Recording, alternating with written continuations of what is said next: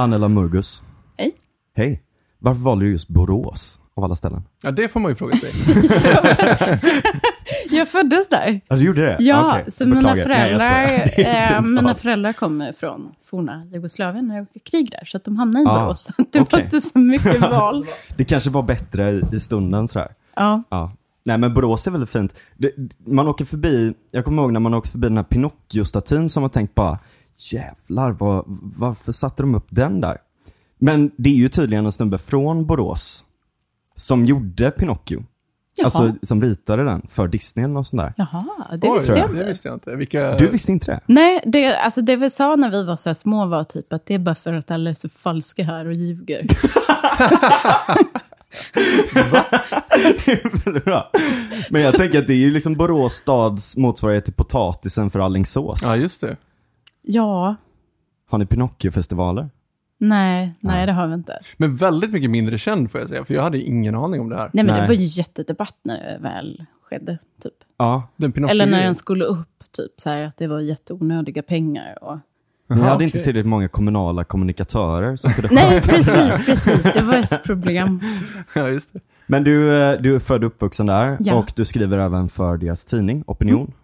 Eller ledar, Mm. Ja, på ledartexter. ledarsidan där, Eh, hur, hur är det? Är det hur, når man ut till, till mycket folk eller? eh, Ja, mer än vad man tror. Alltså, Ja. Jag kommer ju från alltså, Twittervärlden, eller vad man ska säga. Och Där Mm. får man väldigt mycket tweets och kommentarer och likes. Och man, ja, men man har kända personer som följer den och så vidare. Men sen när man började jobba som ledarskribent, då, för jag har skrivit krönikor innan ganska länge, eh, då märkte man att så här, åh, eh, det är andra typer av läsare, eller vad man ska säga, som hör av sig och som liksom blir berörda av det man skriver. Eller som eh, tycker att det är ganska naturligt att höra av sig om de har något problem med i, ja, men, på grund av något politiskt beslut eller någonting. Ja, okej. ja. Så det är mycket mer, ehm, Jordnära. ja, och jag tycker att det är roligare att skriva för dem än för Twitter. Eh, Ja, men det, jag kan tänka mig att det är väldigt skönt att få båda, båda delarna. Ja, ja, och att man kan skriva om små, eh, små saker. Eller som man kan så här, tänka är ganska små saker, men som faktiskt betyder väldigt mycket för människors vardag på något sätt. Just det. Ehm, Vad, ta ett exempel. Ja, jag hade ju en...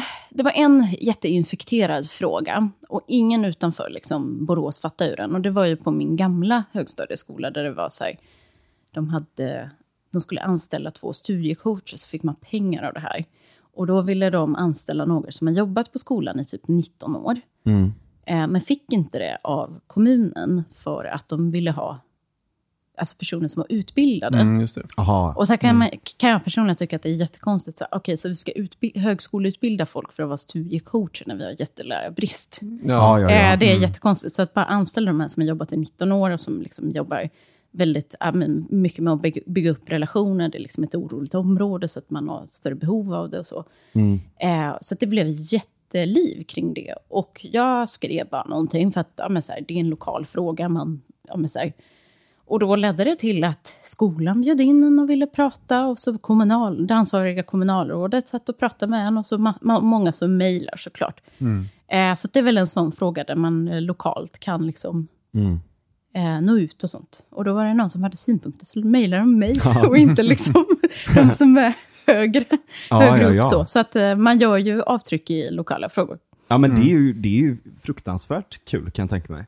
Alltså inte minst, alltså om man kommer därifrån att kunna göra skillnad för ja, Nu- närområdet så Ja. att säga. Det är, Nu, nu ska jag ju skriva om handeln i Borås. Mm. Då, då blir det ju alltså så här, att det ska vara trevligt i stan, alltså att man ska ha en le- levande stadskärna och så vidare. Och då Ja. har man ju många liksom personliga referenser som man kan använda Ja men det är väldigt bra. eh, eller referera till. Så, ja. Det är intressant det där med ehm, just med, med lärarna och det här med legitimation och allt sånt där. Jag minns jag gick på Hvitfeldtska eh, och gick musik.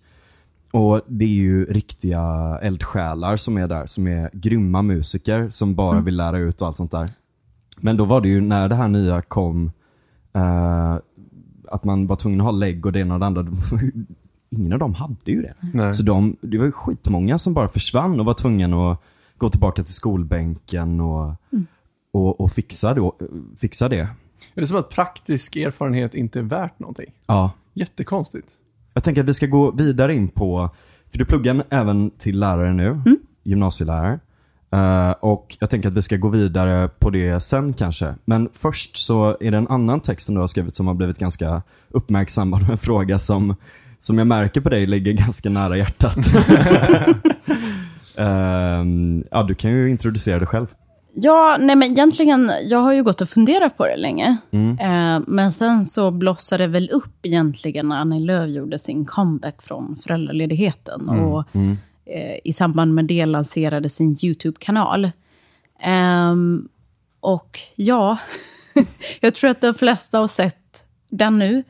Eh, och har säkert ett och annat att tycka till om. Eh, till om. Och jag var ju inte heller den enda som, som ja, men, liksom knöpt ihop säcken. Nej. Eh, Det, är- det är en, en lifestyle eh, YouTube-vlogg Ja, nästan. Eh, Ja. med, med lite inslag av politik kan man väl säga. ingen politik alls. Ja, men det var lite så här Q&A så, alltså, Ja. jag, jag lovade faktiskt en vän till mig från, eh, från Centerpartiet att jag skulle kolla igenom det och komma med ett ärligt eh, omdöme.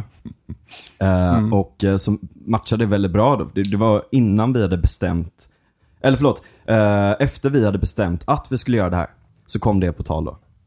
Eh, så jag har kollat igenom nu Eh, och eh, jag såg även eh, igenom Q&A och där var det lite så politikfrågor. Men väldigt mycket är ju hur är det att vara mamma? Eh, hur är mammalivet? Sådär. Ja, och det är väldigt tråkigt för oss som vill komma bort från de frågorna. Ja. Eh, Eller alltså, länge så har det ju funnits alltså, många kvinnliga politiker som ja, men liksom har kämpat envist mot att slippa få de frågorna. Jag tänker Birgitta Olsson, eh, där man, eh, Ja, just det. kanske framförallt, hon sa någonting om att jag inte är gift med en dinosaurie, jag har en man som kan ta hand om barnen. Liksom.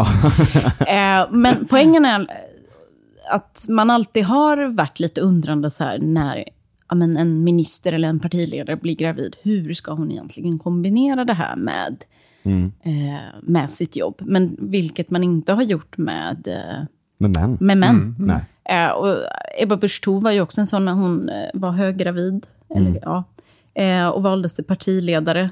Eh, då, då var det också lite sådär frågetecken, även om det inte var lika stort som kring Birgitta Olsson. Och då var det, alltså, då, andan då var på något sätt att vi vill komma bort ifrån de frågorna. Vi vill inte prata om hur det är att vara mamma, utan vi vill kunna prata om tråkiga politiska förhandlingar och allt vad det nu är. Eh, och nu har man landat någon annanstans, att nu helt plötsligt så ska man prata om det. Och Ja. Nästan bara prata om Men kan det. inte det vara ett bra tecken också, tänker jag? För att det kanske visar att man har kommit ännu längre, att man, att man ska kunna prata om de frågorna också. För att det blir ju, alltså att göra tvärtom blir ju inte heller liksom en... Att inte prata Och om då det alls, men- handlar det lite om proportioner. Alltså Jag tycker absolut i att, för jag har själv skrivit om det flera gånger, liksom att så här, man kanske ska komma ifrån tanken om att kvinnor måste välja det ena eller det andra. Eftersom att de allra flesta svenskar, vare sig de är män eller kvinnor, kombinerar familjeliv med arbetsliv. Alltså det är det det snarare handlar om. I alla vanliga människors vardag handlar det om att hitta en ba- balans däremellan. Men alla andra pratar om att man ska välja det ena eller det andra, vilket är helt absurt. Ehm, så ja, det är väl bra att man kan prata om det, men, Men man behöver inte liksom, man behöver inte ha en Men nu är det nästan som att Ebba Busch Thor, och, eller förlåt Ebba Busch heter hon nu, eh, och, ehm, eh, och Annie har någon form av mam- mamoff. Eller du vet så här, show-off vem som är mest mammig. nästan. Du vet att det blir så jävla mycket helt plötsligt när man har två Eh, Det hade varit en sak om det var en partiledare som, som fokuserade mycket på det perspektivet eller att visa upp det och gjorde det till sin, sin egen grej, kanske vid sidan av eller något sånt där. Men nu blir det ju, det blir väldigt mycket. Ja, härmar varandra lite också. Ja. Eh, alltså, Ebba Busch Thor har haft YouTube-kanal ett bra tag nu. Ehm, och kanske inte haft lika stor, stort genomslag som Annie Lööf, men det är väl typ tur det. Ah, Okej, men hon, Annie har ju precis börjat. ja, ja, men det var ju att det blev på något sätt större. Ehm, Ja. Jag vet inte om det var just tajmingen i samband med liksom comebacken, eller, eller vad man ska säga. Ebba Det, bli- det Busch var ju det att alla gick in och började dislika. Ja. Alltså för att det kom upp på Samhällsnytt och alla de här rassesajterna och sådär. Eh, Ja, och så- på så så, sätt är ju Annie Lööf också eh, mycket mer, alltså hon är en raid, Det finns liksom. många starka åsikter om henne, alltså Ja. antingen att man älskar eller hatar henne.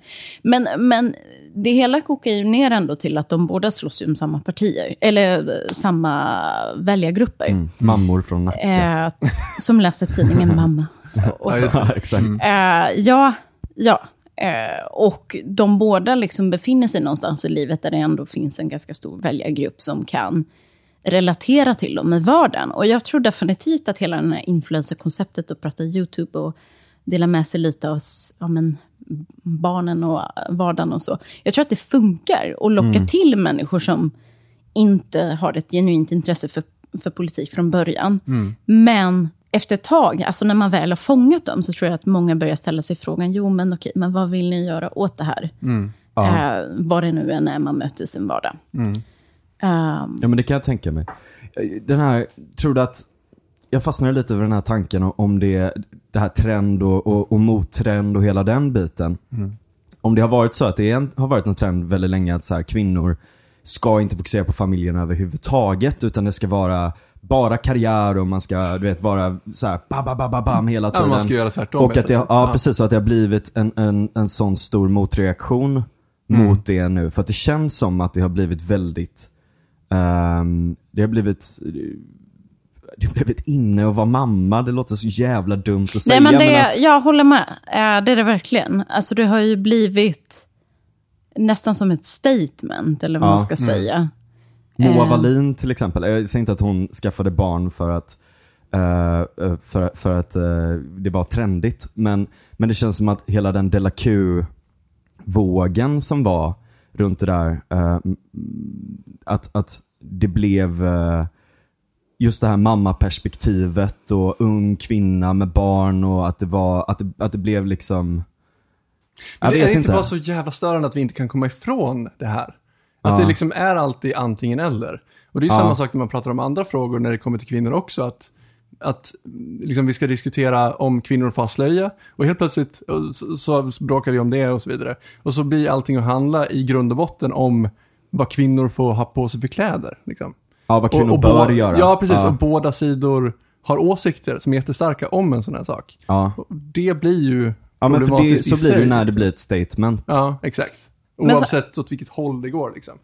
Men sen ska man ju komma ihåg att alltså det här med liksom barnafödande, det är inte någonting nytt. Utan Nej, det har du rätt i. Nej, men det har man ju liksom ändå gjort länge. Ja. Det som är nytt är ju däremot att man alltså, promotar det ganska hårt och Ja, att man går precis. ut med det i Exakt, offentligheten. Det är exakt. ju det som är grejen. Exakt. Eh, och att man, ja alltså det finns ju influencerbarn som tjänar pengar. Ja. Fam- Via hela familjer. Eh, nej men alltså de tjänar ju barn, eller tjänar, barn, eh, tjänar pengar via sina barn. Ja. Så det är, Det är det mest dystopiska eh, på YouTube som finns nästan. Alltså jag tycker att det nästan är läskigare än en, en incel så jag på att säga, men det, det är det inte men. Bara för att det är en är- sån liksom, relaterad jag är motsats, lite men- förvånad över att ingen i vänstern än har liksom gått ut, Ja. ut med så barnarbete. Jo men för att det Ja, är just det. verkligen, alltså, och det, det är ju inte bara i Sverige utan även någon annanstans typ att jag såg ehm, någon, det var bara en thumbnail, jag såg inte videon men ehm, att, att någon så här hade filmat när deras barn hade fått dåliga betyg och de blev utskällda typ. Ja, det är too much. info. Det är ju too much. Det är Ja. så jävla too much. Och så är det, och så ska, ska de här barnen följa man ska liksom följa med i deras liv och när de gör så jävla mycket roliga saker, allting är sponsrat. Och jag har en lilla syster som är sex år, du har också en lilla syster som är ganska ung. Mm, nio. Ja, nio. Eh, och, och det var liksom en period där hon fick kolla på, på YouTube. Jag har varit ganska kritisk mot det, men det är ju inte mitt barn så jag får inte bestämma. Eh, nej men hon får kolla lite på YouTube och sådär ibland och, och sen så, så var det någon gång när det bara gick, liksom, gick för långt och då sa hon att liksom, den, hon ville sitta och kolla på det istället för att hänga med, med vår familj. För att de gjorde så mycket roligare saker. Och kan inte vi också göra Ja, så men mycket det är ju den här saker? Där, där, där, familjen här. som... Alltså det är väl typ någon YouTube-familj. Ja, exakt. Men jag kommer inte ihåg vad konceptet var. Men det var så Ja, här konceptet är helt bara att de eh, säljer eh, produkter till väldigt unga barn och till mammor tror jag som Ja, kollar och på det. att man typ fick följa med dem hela tiden. Hela tiden. Ja, det, det har man hört talas om. Fatta att leva ett sånt liv. Ja. inte det, inte det jävligt sjukt? Att, att, att, att liksom gå runt och vara, alltså broadcasta allt man gör i vardagen hela tiden och vara, det är ju liksom Big Brother, självförvållat Big Brother. Men vadå, det här har vi väl haft ganska länge med Kardashians och Osbournes och allt vad det ja fast det här många, är många- typ mer. Alltså, Ja, jo, för, det för det här är inte stageat, eller Nej. jo det är väl stageat i viss mån, men det känns Mm. som att det blir så mycket uh, närmre inpå på något sätt. Mm. Har jag Ja. fel? Eller? Nej men det kanske är sant. Men ja, jag, jag blir inte så chockad av det så. Men, men om det, om det är liksom, om, om jag tycker att det är fel eller inte, jag vet inte. Ja, det är svårt att säga om det är rätt eller fel, Nej, men nej. någonstans att, att monetarisera sina barn så mycket Mm. och att sälja grejer via sina barn till kanske till och med andra barn Mm. via spons och, och genom ads som, som riktar sig in till barn och, och hela den biten. Det är någonting i det som inte känns helt rätt i alla fall. Mm. Ja, eller vad, vad, vad tycker du om? Nej men ja, det är ju lite för mycket. ja. Eh, Eller det känns i alla fall som att de, många av barnen nästan har blivit nå- några former av accessoarer eller liksom en Ja. tillgång i hela affärsplanen. Och, och, så. Så att, och sen kan man ju fundera på så här, jag tror inte att de kommer lida någon större skada av det, men i vilken mån har, är de kapabla till att ta ställning om de vill ha det på det sättet eller inte? ja, Eh, exakt. Och det är väl, ja, eh, finns ganska många exempel på just eh, influencers som liksom är ganska profilerade kring sina barn. Men jag undrar också Eh. vad det gör alltså med, med utvecklingen för de här barnen, alltså rent kognitivt. Eh, att, eh, att vara i en Truman show hela tiden. Alltså att de vet, eller som de vet om, eller du vet att, att så här, mitt liv är ett, eh, ett tv-program. Typ, för det, det är ju en sån grej som man kan känna själv ibland, typ att så här, Åh, det känns som att min liv är som en film eller som en bok eller du vet så här, nästan så när, när det är, och, och den så att säga, den, den lilla undermedvetna grejen som, som tittar upp ibland kan ju, kan ju vara uh, märklig, inte minst när man är offentlig. Ehm, men, eh, men det här att, att det är så extremt uttalat. Och att det är varje, varje morgon man vaknar så tänker man inte vad vill jag göra idag utan vad kan jag göra idag för att, för att passa in i den här rollen i det här programmet som vi gör i princip. Och jag tror att så, det är inte så jävla... eh, Jag tror inte att det finns någon forskning på vad det gör med barnen. Det kommer nog säkert finnas en hel del. sen. Det kommer Ja. att finnas mycket sen. Men, men jag tänker, man blir ju lite fundersam över varför politiken vill röra sig i, i dessa kretsar, eller vad man Ja, ska säga. För att nu, nu har vi pratat främst om Annie Lööf, lite om Ebba Busch, som ändå är liksom de som, som eh, kanske mest, och har, har fått mest krit- kritik för det. Men man märker ju även att Ja, men så här, Ulf Kristersson sig också av ett ganska så här personligt tilltal i sina Ja. sociala medier. Vader och backflips. Ja, men, Ja, just det. och, ja, men hade en valfilm där man i princip ja, men fick komma hem till honom, vill man det. Eh, och eh, influencerbranschen låter ju harmlös när man tänker på det. Och även när man scrollar på det på sociala medier. Men man vet ju också att det finns en hel del smygreklam. Eh, det finns, alltså man kan köpa upp likes, följare, ja. Till och med Insta- Instagramkonton fick jag veta i förra veckan att man kan göra. Berätta hur funkar det? Man köper, eh, man köper ett konto av någon annan profilerad eh, person med många följare. Säg att den personen vill lägga av. Och då kan den sälja sitt konto till någon annan som tar Ja. över den. Vet du hur alla mycket följare. de säljer det för? Nej, det vet jag inte. Det hade varit... Eh, Det hade varit spännande att veta. Ja, få en siffra på pengar. desperationen. Ja. Eh, men, men också det här med att man marknadsför ja, men väldigt mycket konsumtion och i vilken alltså, grad är det rimligt. Och i politikernas fall blir det så här, å ena sidan så ska man stå där och uttala sig om klimatfrågan och ta den på allvar samtidigt som man vill... Ja, just det. Du Alltså, tycker att så det här- finns en intressekonflikt Ja, där som blir väldigt ja. problematisk. Ehm. jo, det är sant. Så är det ju eh, verkligen. Sen är ju konsumtion viktigt. ju. Det- Alltså jag är inte konsumtionskritisk så, men mycket av det som följarna, eller influensen ändå promotat till sina följare är ju alltså ganska så här, onödig konsumtion. Behöver man Mm.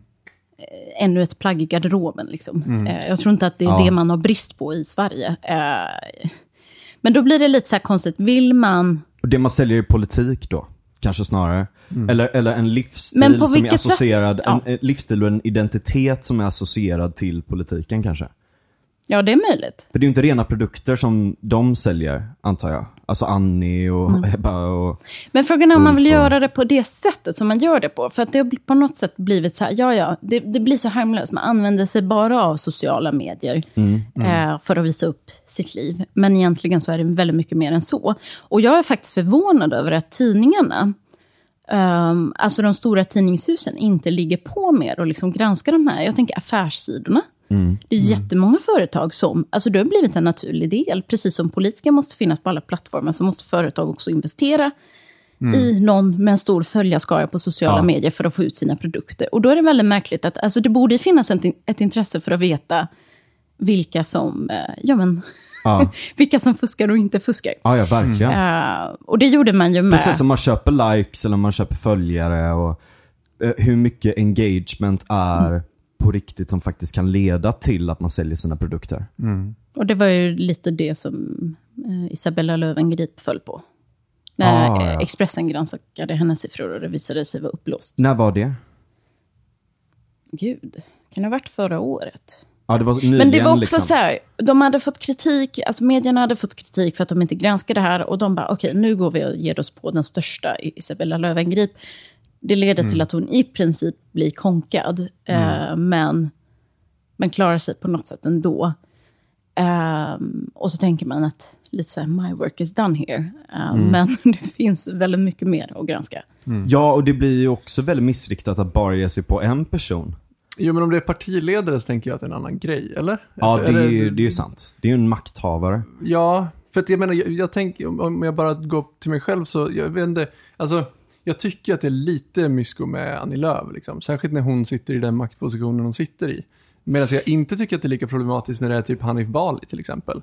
För att han är ju, dels är han ju inte, liksom, han är inte partiledare och han är någonstans i opposition. Och jag vet inte om det har med det att göra, jag inte personligen tycker att det är lika problematiskt. Ja, jag tror att alltså, man Eh. ser till opinionsmässig makt som influencership någonstans. Alltså, inf- alltså i, i ordets riktiga bemärkelse, influens. Mm. eh, så har ju han större influens än kanske till och med vissa partiledare har. Ja, ja, absolut. Precis. Men nu pratar jag om liksom makt, politisk makt. Ja. Så, så sett. Ja, direkt. Ehm, ja, precis. Om, om, om det blir, för det blir ju, jag, jag tänker att det, det finns, det är skillnad på om makten eh, sysslar med ehm, reklam, för då blir det ju någon, i någon form propaganda. Ja. Det kan det väl i och för sig också vara om det är av en opposition på något vis. ja, ja, det är ju propaganda också. Ja, Ja. ja. ja, kanske. Men någonstans, jag vet inte vad det är. Varför Men tycker jag att det är mindre också, problematiskt? Jag tror att Nej, men det är ju för Ja. att man inte pratar, alltså man pratar om allt annat än politik. ja, Mm. Alltså det är ju det som gränserna blir suddas problemet. ut liksom. Hur kan en förlossning vara politiskt laddad eller politiskt relevant? Att man Mm. vill ta upp det liksom.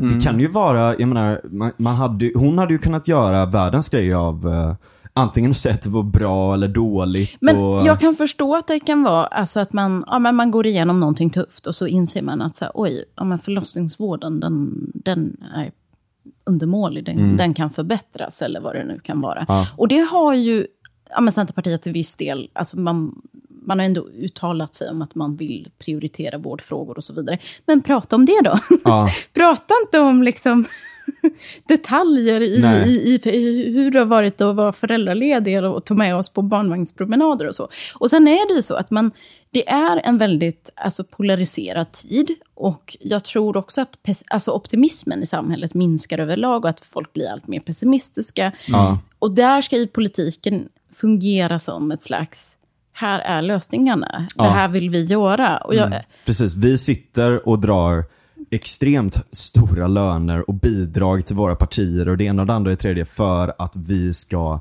lösa era problem.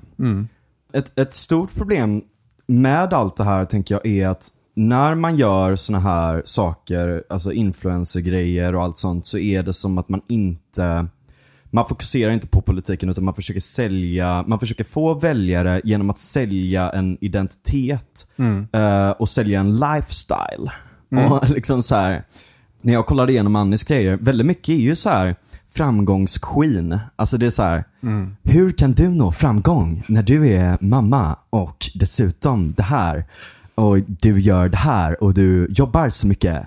Alltså att det är så, det är så jävla, det är så jävla fokuserat på det här högpresterande mammalivet och allt sånt.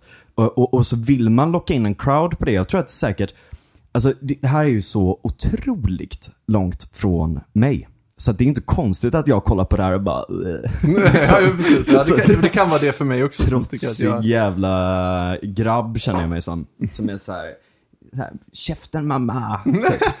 Nästan, när, när jag kollar på det. Eller att man är lite så här, alltså dels den delen av en själv, det är skitbarnsligt. Men, men också den här ehm, eh, delen av en själv som faktiskt är väldigt intresserad av politik och bara så här, men hallå?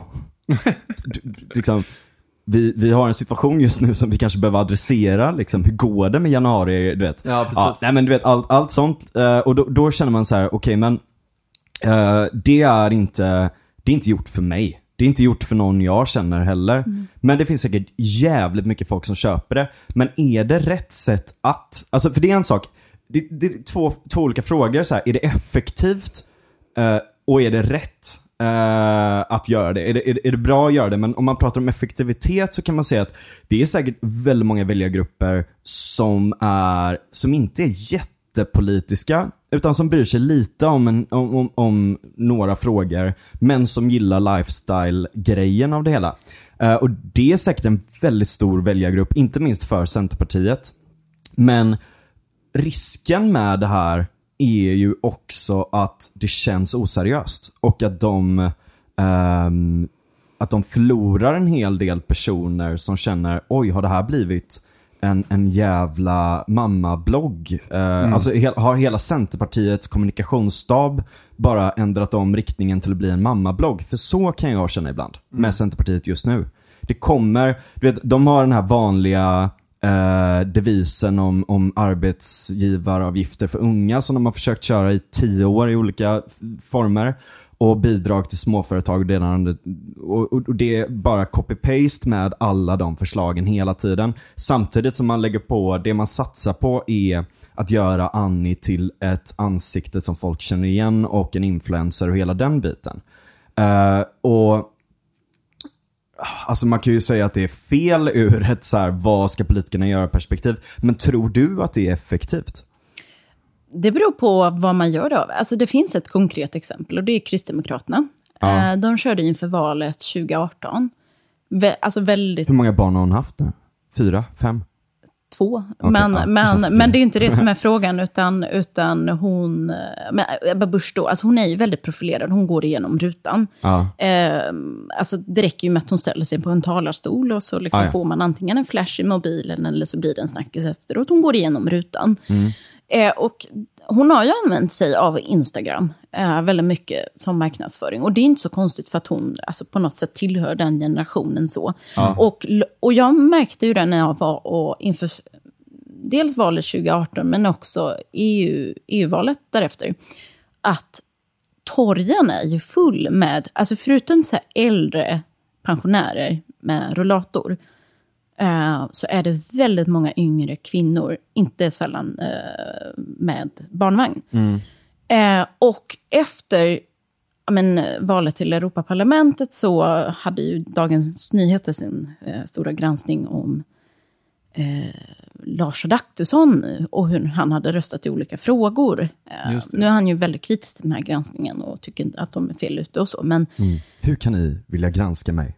nej, men nu kommer inte jag ihåg exakt. Jo, jag kommer ihåg det. här. Det var ju med um, abortfrågan. Ja, ja, men Ja, det var ju med abortfrågan, men det var Han typ att han hävdar... sällskap De, i Argentina. de har väl så här, de har väl, eh, Dagens Nyheter har ju rubriksatt eh, som att han har röstat emot aborträtten. Ja, precis. Medan Ja. han, han själv hävdar att det är mer så här, det handlar om beslutande nivån ska man Ja, den ska inte okej, vi sitta och Ja. besluta om. Liksom. Eh, Det men kan jag när- nog hålla med för att det är inte så jävla kul om, om Polen och eh, Irland får, får massa att säga till om. Men det blev en bildsättning av Kristdemokraterna som ett bakåtsträvande abortfientligt parti i princip. Som de, Alltså den stämpeln som de har haft väldigt länge. Och det resulterade ju i, det gick bra för dem i EU-valet, men inte på det sättet som man hade väntat sig. Nej. Och när man har gjort liksom, ja, men analyser och tittat på så här, ja, men var, var, var, var har väljarna gått, då har det varit unga kvinnor som har gått till Moderaterna. Och då skrev jag i samband med det en text att, ja, men med no- Latte-mammorna straffar koder för abortpolitiken. Det vill säga att Ja. man vill nå en ny väljargrupp, i det här fallet unga eh, kvinnor som befinner sig liksom någonstans mitt i livet och ska ha, ha barn och, och så vidare.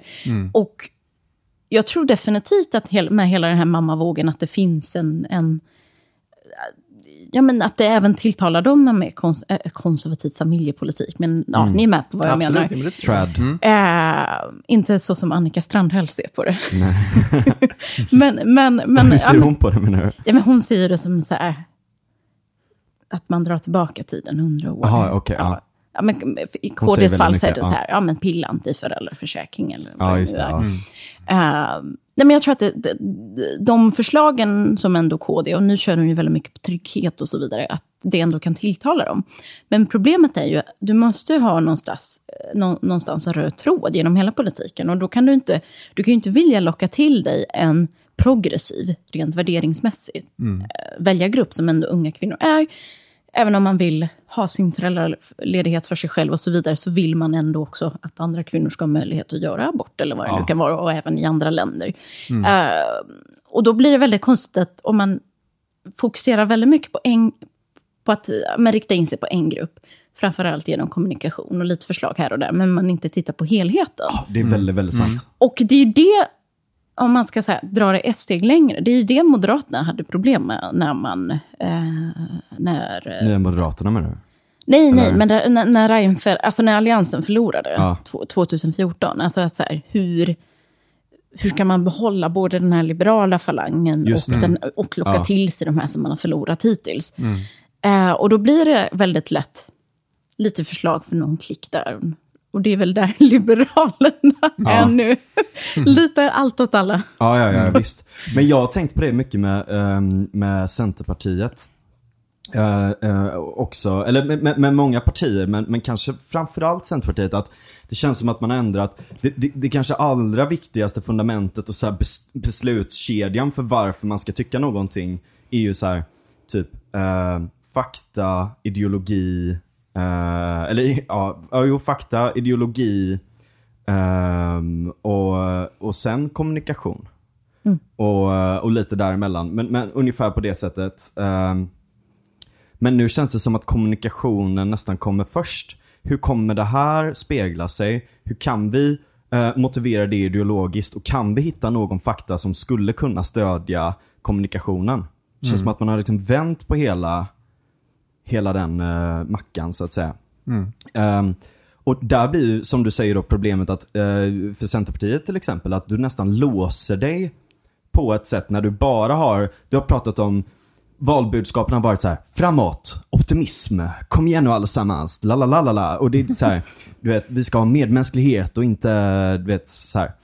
Eh, och, och, eh, och så har du låst dig till, eh, till att inte kunna göra någonting som strider mot den kommunikationen även om du har fel.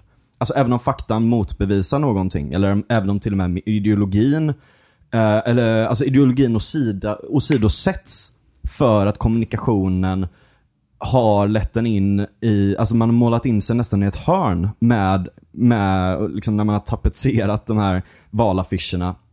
Ehm, och det tror jag, i kombination med just det här att eh, man ska vara så influencer, det ska vara så mycket sånt hela tiden. Att det är jävligt skadligt för politiken i stort. Alltså det är mycket större än bara partierna, det är mycket större än eh, hur man ska sköta kommunikation, om det är rätt eller fel med influencers. Att politiken har en jävla kris med, med det där. Eller vissa partier åtminstone. Och då är det så här, okej men eh, hur, hur, hur gör, vad gör man sen då? När man har målat in sig det hörnet? Och det är väl att göra en sån här kanal då kanske? Ja, frågan är ju... Kanske väl cyniskt men. Men frågan är ju lite så här, vilka når man ut med den här kanalen? Nu har vi pratat väldigt mycket om unga mammor, men Ja, det är väl kanske också en och annan elev på något gymnasium någonstans. Liksom. ja, Och då är frågan så här, ja, de kanske tycker att det är jätteroligt nu, men vad, vad tycker de om en, två år när de väl blir liksom röstmyndiga eller vuxna? Jag tror, att Ja. man, jag tror att man... Det behövs ett djupare innehåll, helt enkelt. ja. Eh, och sen kan, alltså jag har ingenting emot att man använder sig av kommunikationsvägar som påminner om influencers. En, en person som gör det, väldigt framgångsrik, är ju talmannen. eh, använder sig väldigt mycket av Instagram på ett men, eh, kreativt, roligt sätt. Alltså, så här, det blir roligt att följa. Men det kretsar fortfarande kring liksom, ämbetet.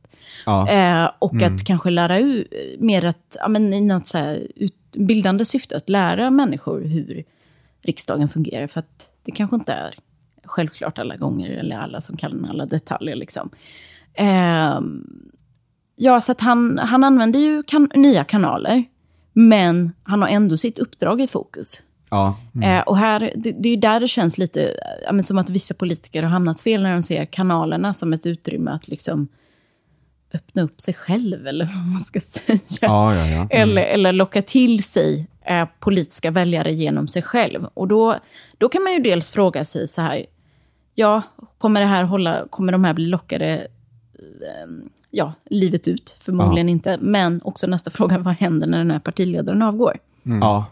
Ja, just det. Exakt. Ehm, För att förr eller, senare, förr eller senare så ska ju det här ansiktet som man har promotat Ja, bort. Liksom. som man har lagt liksom alla pengar på i princip. Eller alltså alla, som roulette liksom. Man har Ja, lagt Och då får på. man ju, alltså det får, man får ju kanske ett lite mer amerikanskt eh, förhållningssätt till politik. Alltså det, det blir mycket mer person snarare än, Ja. än eh, eh, parti. Så, och, Ja, det är ju om de lyckas göra det mer till så här, livsstils, eh, eller vad ska man säga, en, en, en, en, ja, men en livsstilsfråga snarare. Att, att jag tillhör de här som tycker så här, eller alltså som har den här profilen mer. Mer än kanske jag tillhör de här för att de har den här politiken. Men jag tycker att så här, men är, är det här verkligen en ny diskussion på det sättet? Jag kommer ihåg när, eh, när eh, det, det var en debatt om Eh, det, jag kommer inte ihåg när det var, om det är tio år sedan mer. När, allting går så snabbt nu för tiden. Eh, men när man hade en diskussion om att ska, ska politiska partier få göra reklam på tv? Ja. Eh, och då var det ju den här frågan att så här, eh, reklam, det var ju liksom hundra år sedan reklam handlade om behov. Att vi ska försöka eh, sälja in det här genom att ehm, identifiera ett behov hos köparen. Mm. Reklamer har ju väldigt, väldigt länge handlat om att du försöker sälja in en, en livsstil, ett, ja. ett brand. Liksom. Ja. Att, att du är en sån här person om du använder det här brandet. Liksom. Och då vill man söka sig dit för att man, man identifierar sig med det här. Mm. Ehm, och, och det, visst, säljer man in ett brand då med en, med en viss person så finns det ju risk att den här personen slutar, att folk slutar identifiera sig med brandet. Men jag menar, som politiskt parti eh, skulle du inte kunna marknadsföra på lik, liknande sätt att du eh, appellerar till folks eh, tribalistiska behov på det sättet att Ja. du tillhör Centerpartiets väljare för att du är en person som bryr dig om eh, De här- de här Du är sakerna. en sån person Ja. helt enkelt. Ja, Eh, verkligen. mm. Det, det hade ju varit bättre Ja, på något sätt. För att Det jag är menar, någonting det, är är svårt väldigt- att komma undan det där tror jag. ja. Eh, alltså just det här tribalistiska, eller det, det här tillhörighetskänslan av eh, ett sätt så här. Vi tycker på det här sättet, vi vill göra på det här sättet. Och där, det var får man ju säga att SD Ja. är väl de som har lyckats bäst med det här de senaste tio åren och bygga upp en, en identitet hos... Jag kan liksom inte få ur den här bilden av när, när han springer. Vadå? det var det som vi pratade om innan vi började spela in. Där, när han blir, alltså om vi pratar om lifestyle där då. Där, Ja, det är nu det där, lifestylen att sitta och skriva grova rasistiska saker i DMs. Ja, men på något, på något konstigt vis. Och sen springa iväg när det kommer en journalist. Men på något sätt så, så är det ju liksom så här, det är ju på något sätt så SD säljer sig själva. De skapar ett, ett liksom en, Eh, om, du är en person som sitter och skriver rasistiska saker på Facebook så är du en av oss. väljargrupp. Ja, ja typ, typ. Det är typ, typ så de har gjort mer eller mindre. Och gjort det till någonting, till en tillhörighet som folk känner igen sig i. ja. Cyniskt, eh, Ja, ja, ja. verkligen. Men, men det, det är ju typ det de har gjort. Och Ja, de har ju ja, lyckats absolut. väldigt bra med det får man ju säga. ja, ja, ja. Det kanske är det som är problemet med de andra partierna. De måste locka till sig Flashback-trollen. Ja, kanske. Ja, men det tror jag många, många har insett också. Ja, Moderaterna inte. Ja, ja, Jag tänkte säga det. Hanif. Han är ju liksom galjonsfiguren i den kampen. Ja. Han är ju lite antitesen till en mammabloggare. Mhm. Att han är så här, du vet, han, han twittrar om bilar, gaming, snus. Jag, och, och liksom lite väldigt så här medvetet. extremt grabbiga grejer. Mm. Men det är ju genuint å andra sidan också. Ja, du känner ju honom bättre än vad, vad jag Ja. gör, så du, du kan ju svara på det. Du kan ju låta han svara på den saken. Ja, precis. Men, men ja, nej men visst, absolut. Nej men det är ju lite det att man, alltså, för där är ju också vem ska, det känns som att det är en, eh, ett arms race för att locka alla kvinnor. Men vilka är det som fokuserar på männen i det läget? Ja det är väl SD bland annat då. Mm. Eh, och de har ju också appat sitt game när det kommer till att locka kvinnor. Eh, det går ju sådär. Men ändå, de har ändå ganska mycket. Men, De måste skaffa sig en YouTube-kanal. Ja. Någon kvinnlig profil. Ja, precis. Det kommer. Hilda Frick. Tror du inte att det kommer? Nej. Nej, du tror inte det? Nej, Nej. Jag Nej hade men jag tror, inte att, jag tror inte att det är den kvinnogruppen de vill värva. Mhm. Jag tror att de vill värva äldre kvinnor. Ja, det kanske. Kanske med som lågutbildade. Mm. Ja, Som traditionellt sett har röstat på S. ja precis. Mm. Men Hanif är ju... Och jag tror inte ja. att de tittar på YouTube. Nej, det är Eller- sant. Nej, kanske det är sant. Eller inte, inte på, på, på uh, vloggar, tror jag inte. Nej. Nej. Nej, jag vet inte. Nej, det, Ja, är, det, Ja, jag- ja. Man ska inte vara för tvärsäker, men eh, nej. Jag, Vilka jag är det som kollar på mammabloggar? Ja, men Ja. Men de, och typ de är sådana väl... som mig. Ja. Typ. Alltså, det det är ju det som Ja. är problemet med att vara... Ja, jag är snart 25 år gammal. Eh, det går ju inte att gå någonstans eh, alltså på sociala medier utan att man möts av influencers. Alltså man kan aktivt välja att inte följa dem, men de dyker Ja. ändå upp. Det är helt omöjligt, för att det är alltid någon i ens bekan bekantskapskrets som på något sätt Är influencer. är, nej, antingen är det dels Ja. så, men, och sen har du liksom den, alltså så här, jag har personer som jag känner, alltså så här, lika mycket kända som jag är, det vill säga inte alls, men som Lite. kör stenhårt på eh, Instagram. Mm.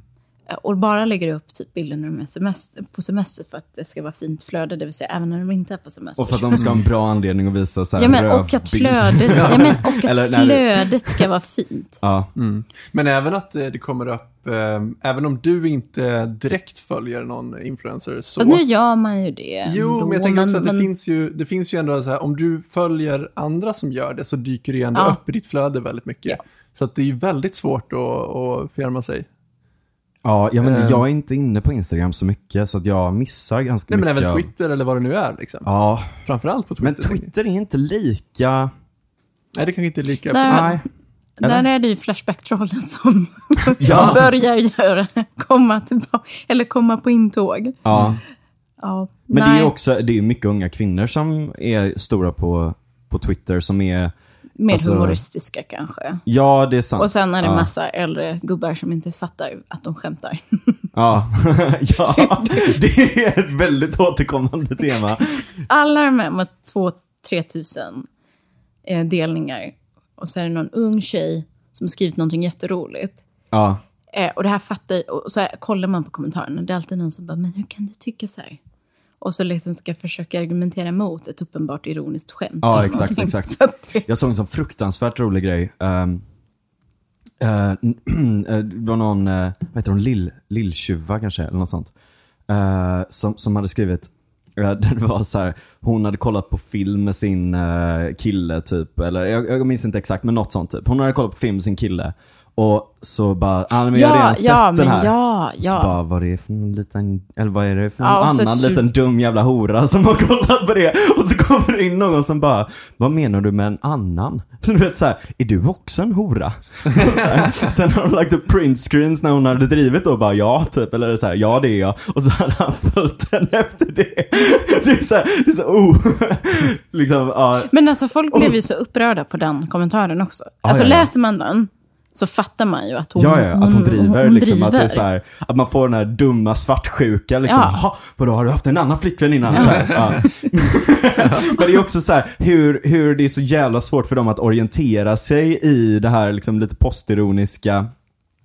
Eh, och, och dessutom är lite kåta samtidigt. Tror jag. Det blir ett jävla sidospår. men, eh, men där är det intressant då att om nu Twitter är så, alltså, så dominerat av Flashback-troll eller alltså hela, hela den biten. Men, men det är fortfarande där den riktiga diskussionen med politik förs. Eller där och på, på ledarsidor. Och är det inte lite förminskande kanske att man tänker så här, ja men nu ska vi nå ut genom Instagram och, och YouTube till, till kvinnor och så gör man det bara genom lifestyle. Att, att man inte tänker, okej nu går vi till, nu går vi till de forumen där, eller de så att säga plattformarna, typ Instagram, eh, där, där kvinnor rör sig mer. Eh, och vi är på den plattformen men vi gör det seriöst. Vi gör det inte genom bara mammabloggande utan vi gör det på ett sätt som är eh, Politiskt menar du? Ja, Ja, politiskt och, och, och, och, och seriöst. Även om man kan ha lite inslag, alltså även om formatet kanske är annorlunda, att, man, att det är lite mer så här filma, eh, fi- selfie, filma och prata eller eh, sådär. Att, att man ändå håller en seriös nivå på det hela.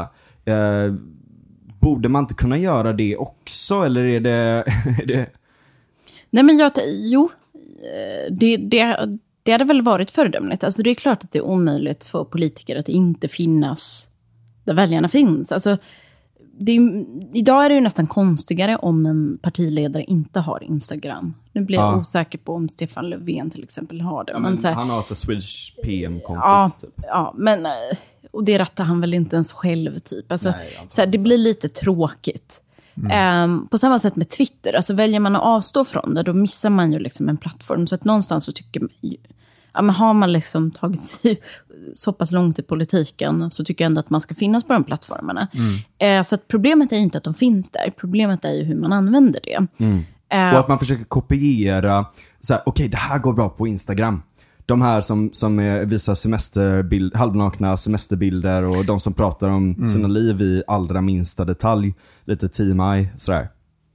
Och då ska vi kopiera det helt för Ja. att det är så det funkar på den här Att man plattformen. på att man inte vågar, ja, men det är så här, att istället för att bygga sitt eget koncept, så här kan eh, politiker fungera på Twitter, så blir, eller på, på Instagram, så, så blir det att man försöker kopiera en framgångsmodell som är extremt ogenuin egentligen. Och sen är det en ganska så här tråkig fördom om kvinnor, eller kanske då framförallt yngre tjejer. Ja. Eh, för jag vet att när det gäller så här, alltså när unga generation Z ska välja arbetsplatser, Mm. Zoomers. ja, så är en av de allra viktigaste liksom, parametrarna är ju vilken värdering Ja. företaget har.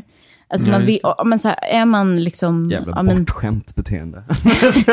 Ja, men så här, alltså är man mot, eh, men så här, är man orolig över klimatförändringarna så vill man kanske inte jobba på ett företag som, Nej. som piskar på liksom, Lundin utvecklingen.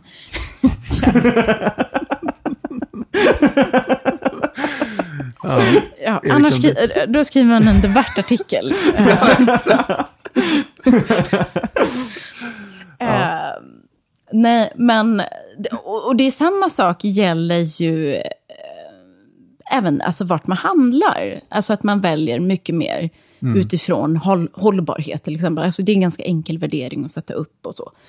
Ehm, och ja, och då, det bryter ju lite den här föreställningen, bryter mot föreställningen om att kvinnor bara skulle bry, bry sig om barnafödande och så vidare. Utan det vill säga att man, Ja. man, man, man eh, och min egen uppfattning liksom från min privata, eh, mitt privata sammanhang är ändå så här att många är medvetna, många följer med vad som sker i världen och man bryr sig inte bara om eller ja, inte ens alls, om vad som sker i riksdagens talarstol. Utan man, bryr sig, alltså man blickar mycket mer ut mot världen och bryr sig om vad som händer där och sånt. Eh, Och stora politiska frågor. ja, och precis. så, ja. Och, och ja, men jämställdhet, jämlikhet. Ja. eh, Det är ju intressant, det. jag menar, Ja, där men kling- verklighetens folk, jag menar innan, om man tar den här gamla Palme-grejen mot med Fälldin typ, eh, ska vi ha grus, antingen har vi grus eller så har vi inte grus. Och sen står Palme och säger, jag har varit i Indien. Så här.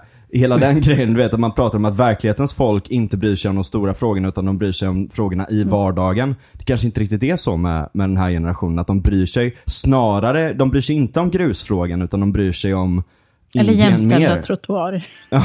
ja men precis, utan de kanske bryr sig om, om de stora frågorna mer. Nej, men det tror jag. Jag tror att det finns ett större liksom, internationellt intresse, eller man ska säga. Sen har den ju alltid funnits, men jag tror att den är liksom ännu större idag för att man reser mer. Ja, inte nu då, men, men man är liksom mer sammanlänkat på ett helt annat sätt. Eh, framförallt då tack vare teknik. Och då blir det så väldigt konstigt att, så här, speciellt kvinnor, nu har inte jag den listan i huvudet, men det finns någon liksom undersökning någonstans där man har tittat där med att välja arbetsplats utifrån värdering. Ja. Och jag, någonting som jag tyckte var typiskt, och att jag, jag kommer ihåg att jag reagerade på, att det här med värderingar, alltså vilket, vilka värderingar företag har, var mycket viktigare för kvinnor än vad det var för män. Ja, ja, ja. Eh, och det vill säga att ja, men, man är, man, ja, det spelar roll liksom. Eh, ja, men större saker än vad man säljer eller vad det nu kan vara. Och då är det väldigt konstigt att man i politiken gör tvärtom. Att man börjar prata om det platta ja. istället för Just att eh, gå med djupgående. Och då tror jag att man kommer hamna fel. Eh, Det är en väldigt bra spaning. Ja, det är en väldigt bra poäng. Ja. Alltså just att det blir, alltså så här, som jag sa i början, att, att så här, det, är ju, det är ju bra, det är ju bra, ett bra tecken att man, att man vågar prata om att vara mamma igen. Men, men det är just det att så här, ehm, att det blir förminskande också. Att så här, Ja. nu, ska vi, nu ska vi locka den här gruppen eh, unga kvinnor, så då ska vi prata om sånt som de tycker är intressant. Och då ska vi prata om att, att vara mamma. Alltså, Ja. Det blir lite så här, ja. Och där kan, man, där kan man ju säga att innan så har det ju varit så här: okej men nu, det här är valet som sociala medier blir stort, eller det här är valet som influencer blir stort och allt sånt där. Men jag fattar inte varför man, kan, varför man inte kan jobba mer datadrivet. Och för, alltså du vet, att se så här: okej vad bryr sig folk om egentligen?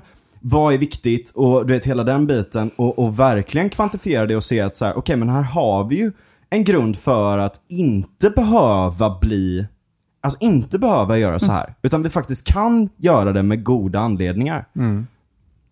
Ehm, och jag menar, man kanske inte, det kanske, man kanske inte lockar vissa väljargrupper på Twitter för att det är en massa kåta gubbar som inte förstår ironi. Där. Som, som håller på och svarar och sånt hela tiden och att det driver bort folk. Och de enda som är kvar är jävligt hårdhudade. Ehm, och sådär. Men, men att man, så här, då släpp, att inte bara släppa allting direkt när man går över till Instagram. Utan kanske hålla den här seriösa nivån som man ville ha. Mm, just det. Där. Ja, och du skapar ju din egen följarskara på, på många sätt. Liksom. Ja. Så att, ehm, ja, varför, varför inte presentera en mer ärligare bild av vad faktiskt du tror på, vad du, vad du tycker är viktigt. Där. Precis. Istället för att försöka försöka liksom appellera till en grupp som du tror att den är, vilket gör att du förminskar de som faktiskt skulle kunna lyssna på dig. Ja. Typ. Nej men på, på liksom en avslutande not där, alltså någonstans så är det ju vad det är egentligen syftet med kommunikation för politiker. Det kanske är någonting som de behöver eh, som de behöver se över. Att så här, är det formen eller innehållet som är det viktigaste? Och är, är det bara antalet likes eller är det likes Alltså, det, det här som vi pratade om att, du vet, du kan ju, om, om du köper ett konto och det är liksom eh, Eh, bara en massa folk som, som har varit där innan för att lajka på bilder på någon jävla liksom, gym-influencer. Uh, sådär. Så kan man säga att okej, det kanske kommer lite likes fortfarande, eller finns följare fortfarande. Men gör det någonting? Och det, i det här fallet, lite konstig liknelse, men i det här fallet, okej du kanske får jävligt mycket likes av att mamma blogga eller att uh, posta eh, edgy memes eller vad fan som helst, vilken form av influencer du än vill vara. Men får du ut någonting utav det? Är det så att du faktiskt får fler folk att rösta eller att du övertygar folk? Och den analysen kanske behövs lite mer. Och en, en liten segway över till nästa ämne, det är ju att någonstans så, så är det ju politisk kommunikation en form av eh, pedagogik. Alltså det är en form av kommunikation och du ska få någonting igenom. Eh, och det är ju någonting som du eh, pluggar, egentligen. Eh, det här med att, att nå gymnasiekids. Du är Mr Segway alltså. Konstart. Ja, jag kan ju säga att jag inte kommer att tillhöra de lärarna som är på TikTok. Och, Nej, han med kepsen, har du sett Ja, honom? ja, tyvärr, det har jag. det är han jag tänker på. Eh, nej, så att någon sån lärare kommer jag inte att bli. Utan eh, ganska, ganska tråkig katedertyp. Ja. Ja. Tror jag. Nej, men eh, ja. eh, Så att det, det är väl om någonting att man ska... Alltså he- hela lärandet, liksom att man ska ta någonting stort, svårt och komplext och liksom komprimera det och göra det greppbart för, ehm, ja, men för elever att liksom kunna lära sig någonting. Så att alla, alla politiker borde kanske läsa pedagogik Ja, eller verkligen. gå lärarutbildningen och inte läsa till statsvetare eller ekonomer. Det, Eh, det i alla finns fall det alldeles kommer- för många statsvetare. Och, och alldeles för många jurister på Twitter också, tycker jag. Och i politiken överlag. Och i politiken, Eh, jag, har ja. ju skrivit, jag har faktiskt skrivit om det innan, så här, att mm, alla politiker borde inte, bli, borde inte vara statsvetare, utan Nej. man måste liksom, eh, rekrytera fler. Och det är ganska intressant, för att alla utanför politiska sfären, när man säger att man läser till gymnasielärare, så tycker de att det är åh, vad roligt och vad häftigt och tycker att det är intressant och hit och dit. Och, men när man pratar med folk som sysslar på ett eller annat sätt med politik, så är de så här, ah, varför ska du läsa det? Borde läsa något annat, typ ja, statsvetenskap. Ja, Och varför tycker de att det är inte... Nej, men det är väl, eh, det är väl inte eh, fint? Nej, det, det är lite så här, åh vad gulligt. Ja. Ja. ja. men jag tror att antingen att det ses lite töntigt och att det inte är liksom det här, ja. men det är inte juristutbildningen eller det är inte, man har inte kursat sig igenom en utbildning. Och vad gulligt, då kan du sitta i kommunfullmäktige. Ja, Lite så. ja typ. Ja. Men du kanske inte vill bli politiker heller? Nej, gud nej. Nej, inte jag heller. Men man ska aldrig säga nej, aldrig.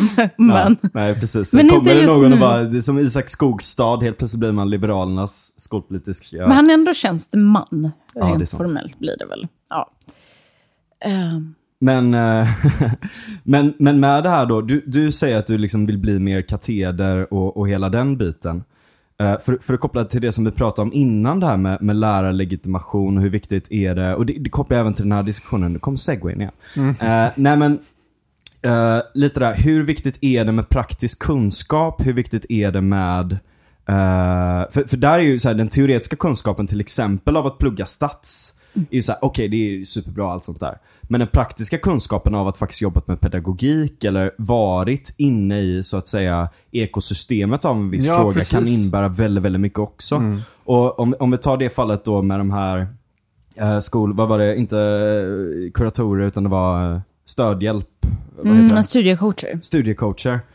Eh, alltså om, om man tar en sån fråga där så är det ju, ibland kan ju den här praktiska kunskapen av att hålla hålla på med en fråga varit, vara extremt eh, viktig. Hur, hur ser du på det just med det här katederaktiga? Tycker du att det är viktigt med den liksom, formen på det här?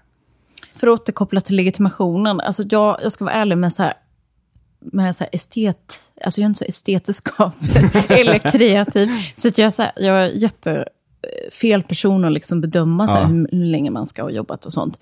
Eh, men jag tror, alltså när man ska undervisa i själva ämnen så tror jag att det, eller att man måste ha någon form av liksom, utbildning. Ja. Eh, och, men det blir så svårt att liksom sätta att det ska vara på det ena eller det andra sättet eftersom att det är så pass individuellt. Alltså man, jag som har gått i skolan innan man hade lärarlegitimation hade ju lärare som aldrig hade ja, men, undervisat innan men som var jättebra på det. Eh, och sen så hade man de som liksom aldrig egentligen borde få sätta sin fot i en skola. Ja. Eh, så det beror ju väldigt mycket på. Men där känns det ju också som att eftersom, eller i alla fall det var under en period som det var extremt låga antagningskrav för att komma in på lärarutbildningen och sådär också. Så att jag menar många, det, det kanske är en nidbild jag har men att det är många som är på lärarlinjen som egentligen kanske inte borde vara där. Ja, det, ja, så är det ju. Min så personliga erfarenhet är någonstans att många söker sig som kanske inte heller har ett genuint intresse för ja, men nu är jag ämneslärare och ska undervisa i gymnasiet. Alltså, Ja. I vilka ämnen? Samhällskunskap och religion såklart. Eh, säger sig ganska själv. Alltså, man måste på något sätt ha ett genuint intresse för Ja, de ja, ja. ämnena. Eh, och jag vet inte, ibland så känns det som att vissa kanske är mer intresserade av lärandet. Ja. Eh, och då kanske egentligen lägre åldrar passar bättre. Ja. Eftersom att man, alltså ämnen är ändå, tycker jag, och jag tycker att man ska liksom betona det, det är viktigt i gymnasiet. Allt är Ja. ju uppbyggt efter kurser och så vidare. Så att jag tycker ändå att man ska, man är lärare i ett ämne. Eh, och man ska kunna sitt ämne och vara intresserad av det och brinna för det, tycker jag. Ehm, men sen så, det finns lite så här bortsorteringsmöjligheter, eller vad man nu ska kalla det. Alltså jag själv när jag sökte till lärarutbildningen fick jag ju gå sånt här, läm- eller göra ett lämplighetstest. Eh, så man fick så här, skriva någonting, eh, vad man tyckte om någonting. Eh, det var inte så dumt, och sen så fick man sitta och prata med dem. Och bara där, nu, nu har inte jag någon exakt siffra på, och jag, jag tror inte de har det, att det är officiellt, liksom, men man har ju hört att det har funnits personer som man har sållat bort. Liksom, eh, för att man har kommit fram till att den här personen inte kanske är lämplig och så. Men sen är det lite så här tråkigt att jag är part i målet, så att, så här, att lärarutbildningen blir på något sätt så här, den, den har sina problem. ehm, och, och så, det, det har många oberoende instanser kommit fram till. Men liksom, det blir lite tråkigt att den blir symbolen för någonting större. Det vill säga hela eh, kunskapsförfallet, eller vad man nu vill kalla det. Alltså, det vill säga att det är inte bara på lärarutbildningarna som studenterna blir sämre på att skriva och läsa, eh, utan det märker man också i andra utbildningar. Ehm, så att jag tycker ju att hela det här liksom, ja, kunskapsförfallet, eller ja, Ja. vad man nu vill benämna det som, är ju tecken på ett större symptom. och sen ja. har man ju låtit lärarutbildningen bli vad det har blivit, eh, för att inte ställa krav. Och jag tror inte liksom att man per automatik ska sätta någon gräns här eller där på liksom antagningen. Utan, eh, ja, men, jag, jag är mer lockad av de här liksom förslagen att man ska ha ett visst betyg i de ämnen man undervisar. Ja. Ehm, för att, ja, det är ju lite tråkigt om man skulle vara så samhällsorienterad person och inte, och inte ma- matteorienterad och så faller man lite på det. Ja, precis. Ja, men, eller vad det nu kan vara. Ja. Men, men, men liksom ändå att det ska avgöra det som man strävar mot eh, lite grann. Ja men det är, jo men det är, det är jävligt viktigt. Och, men där, jag tänker en sak som är intressant också i, kopplat till, till det vi pratade om innan där. Hur, för jag menar det är så otroligt mycket information idag som, som förs via YouTube eller sociala medier och ehm, i allmänhet. Och hur konkurrerar man med att sätta en världsbild för någon? Ja, det, det är väl lite intressant. Inte att det- minst inom samhälle då. Ja, men det, det, det, det, är en bra fråga, för att jag har jobbat med den eh, Ja. när jag har varit ute på praktik och sånt. Ja. Att ja, men så här, jag som dessutom extra kn- knäcker som ledarskribent tycker att det är jätteroligt och tidningar och liksom. Ja. Och ja, så börjar man kanske första lektionen med att gå igenom nyhetsflödet. Och man inser, alltså så här, någonstans inser man ju inte att nu är de inte så jättemånga år yngre än man själv, men man inser liksom att så här, oj, vad de är formade av någonting annat. Ja. För jag tror att vi någonstans, 90-talister, eller jag är det i alla fall, eh, Jag tror att vi är födda samma, är födda samma år, 95. 95 ja. Ja. Jag tror att vi är lite så sista generationen eh, som, som, eh, Som inte hade läser en tillräckligt tidningar. bra internetuppkoppling för... Och en stationär dator. men, eh, men, eh, nej men så här, att man ändå är lite formad av tidningar. Även om det Ja. inte är papperstidningen så vet man ju, man går ju in och kollar på tidningen om man vill ha information om någonting. Man går inte in på Snapchat eller vad det nu kan vara. Eh, och, så det är väldigt svårt. Ja. Eh, men sen är det ju inte så, eh, men man rör ju sig ändå där, så att man kan ändå hitta saker som Precis, de man kanske... kan se mönstren. Ja. Och där kanske också är jävligt bra med nya, alltså unga lärare som också förstår vad är det vi jobbar med. Alltså v- vad är det för tidigare eh, föreställningar som många av de här kidsen antagligen har utifrån deras informationsflöden. Och hur kan man, hur kan man anpassa eh, och kanske förebygga att, eh, att, att, att folk fastnar i kaninhål av flat earth eller du vet något sånt där. Eh, eller det ena och det andra. I ett sånt läge, hur, hur pratar man på ett sätt där man är så här, okej men de här, de här, de här fundamenten är viktiga för eh, alltså typ vetenskapsteori, ehm, confirmation bias, alltså att man letar efter saker och ting för att stödja sin egen tes. Eh, vilka andra liksom, kognitiva fallgropar kan vi hamna i? Och hela den Och biten. filterbubblor inte minst. Ja, precis. Ja, alltså det, ja, herregud, hade man haft något svar på det så hade man... Ja. hade man- Men det finns ju, för där finns Men- det ju, läser ni, läser ni någon kognitionsvetenskap? Nej, Ni gör inte det? nej, eh, väldigt lite i början. Ja. Alltså ganska grundläggande saker. Ja. Eh, om eh, ja, men lite hur hjärnan funkar och så. Men inte sådär eh, djupgående. Nej. För det, det är märkligt, tycker jag. Du jag är ju bi- biased alla- ja, såklart liksom. Men jag, jag tycker att det är märkligt det där att, för det är ju lite den här, ska man lära ut uh, grund, eh, byggstenarna för att det ska funka Eh, alltså grundstenarna typ, alltså det kognitiva, uh, vetenskapsfilosofi eh, och, och en del sådana saker. Är det det man ska lägga fokus på eller är det ämnen per se? Ska man lära ut sanningen eller verktygen? Och, eh, ja, man kan väl titta, om man tittar på kunskapskraven så är det väldigt mycket verktyg. Ja, det är det ja. Eh, Kanske för Ja, men mycket. så här, förmågan att analysera, förmågan att reflektera eller vad det nu kan vara. Men det är också ganska Och- postmoderna verktyg då. Ja. Alltså så här, du ska Ja. hitta nyanser och du ska förstå Ja. andra perspektiv och, Och sådär. väldigt ja. mycket det egna tyckandet och tänkandet om saker och ting går framförallt. Vilket är framför- viktigt också, men kanske oproportionerligt. Men jag tror att ja. det i svensk skola, alltså om man tittar på den svenska skolan så tror jag att ett problem har varit att mak- eller balansen däremellan har varit väldigt skev. Alltså man har ju gått från, jag tror inte heller att det är sunt att man bara sitter och rabblar fakta och det enda man kan, ja men så här, man, man memorerar en hel bok inför, inför ett prov och sen när provet är över så har man glömt bort hälften eller vad det nu kan vara. Och så går du hem och så kollar du på så här, the truth behind. Så. Men jag tror liksom att man någonstans behöver eh, ja, men, kunna analysera och, och ja, men, hänga upp kunskapen på någonting. Ja. Men så som det är idag så tycker jag ändå att det är för mycket av liksom, att man ska kunna pladdra sig igenom skolan. Eller vad Ja. ska säga. Nu, har, nu har man förvisso gjort förändringar, alltså där man i lägre ålder betonar fakta. Eh, mycket mer faktakunskaper. Så att det är ändå på rätt väg, men jag tror att det, behö- det hade behövts en bättre eh, bättre balans däremellan. Eh, och det, det har ju varit så märkligt eftersom att en förutsättning för att kunna göra en analys är ju att du har någon faktagrund att stå på. Men Mm. Ja, jo. i, i skolan så har det varit väldigt mycket analys, analys, analys och sen Mm, lite, ja. ja, med faktan, ja. Eh, det, det, det ses som någonting förlegat och någonting så här förtryckande i Ja. princip. Eh, och det är väldigt märkligt eftersom att jag tror inte varken på den ena eller den andra mer, utan jag tror att de båda är en förutsättning för varandra. Ja. Eh, Men en sak som jag, när jag började plugga filosofi, det här var typ fem, fem år sedan. Det var det första jag pluggade på universitetet. Så började man gå in på typ eh, Popper och, och Kun och, och sådär.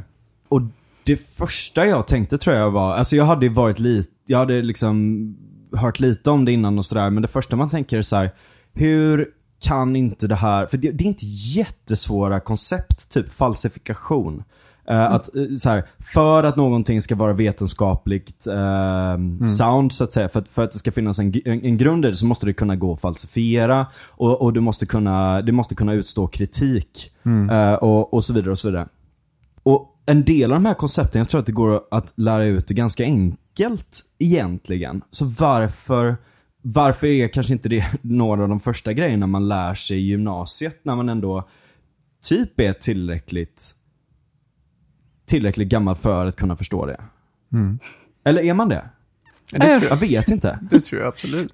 ja, jag, Man kan väl lägga upp det på ett snyggt sätt, tänker jag. jag vet inte, det blir lite så här svårt vad, exakt vad man ska lära ut och inte lära ut och när. Ja. Men, men ehm, alltså jag, jag tänker spontant någonstans att kanske Det, lå, det låter så fint när man ska prata om så här förmågor och allt det som står i kursplanen. Men Mm. jag tänker att i ett samhälle som vi lever i idag, där man pratar om fakta som ett alternativ, Ja. eh, då tänker jag Där man någon- blir bombad av tusen olika alternativ Ja. hela tiden. Eh, och där ja, men en verklig sanning blir liksom... Ja, men det går att tumma på principen om, om en sann verklighet. Och då tänker jag någonstans, om inte det här liksom... Om man inte gräver lite graven för sig själv någonstans. Alltså att man... Man pratar ju väldigt mycket om att liksom... Ja, men ska man fokusera på verktygen Ja, så ska man ju eh, också lära dem hur man ska använda verktygen. ja, Eh, men jag tycker fortfarande att... Alltså, I skolan så har det ju funnits alltså, väldigt, väldigt länge en syn på fakta som no, eh, alltså, no, förtryckande. ja. Alltså som att utgångspunkten har varit att det är bara vissa som kan ta till sig fakta och andra inte, det vill Ja, säga ja, resurssvaga elever. Medan analysera är någonting som alla kan. Och det är där jag tror att man, alltså det är där själva liksom felet ligger i. Att snarare tvärtom, att faktan är tillgänglig för alla. Det är bara liksom sätta sig ner, ägna tid, Ja. repetera. Ja, ja. Det, det, det är liksom bevisat att Och det är många dumma människor som är väldigt effektiva på att sätta sig ner med fakta och repetera det. Det är bara att det är helt... Med, medans Dum analys, fakta, liksom. medans analys eh, och- reflektion, och lite, alltså de här liksom verktygen är mycket mer avhängiga, lite beroende på, ja men, har, kommer man från ett res, resursstarkt Ja. hem eller vad det nu kan vara. Det är sant, det är, Det är jävligt omvänt Det är väldigt faktiskt. Ja. Så att det är jätte... Det tycker jag är märkligt i Ja. hela den här debatten. Men sen är det ju, alltså, alltså de här som förespråkar mer fakta i skolan börjar få mer vatten på sin kvarn, eller vad man ska Ja. säga. Alltså, Samtiden på något sätt börjar ju genom rätt, för att man märker ju effekterna av att ha gjort det omvända. Ja, precis. Mm. Men där finns ju risken också att när skolan bara ska bli så här, så här ska du tycka, det här är rätt, ba ba ba ba ba. Och så går de tillbaka och kollar på de här YouTube-videosarna där det är, där det är politiska influencers, kanske inte bara från Sverige utan även från USA som kommer in med en jävla massa perspektiv och analys och det ena och det andra. Där blir det nästan, det blir en konkurrens om uppmärksamhet och perspektivbyggande och hela den biten. Och, Men och, och, och det, det blir, där blir ju, om man inte har de här grundläggande verktygen för att koppla till det innan så, så blir man ju också extremt sårbar för politiska rörelser. De grundläggande analysverktygen Ja, från precis. skolan. men- Om man okej. inte har dem så blir man ju också jävligt sårbar till politiska rörelser som låter extremt övertygande för att de kanske har några starka karismatiska personer som, som är duktiga på att snacka eller det är lifestyle eller det ena och det andra.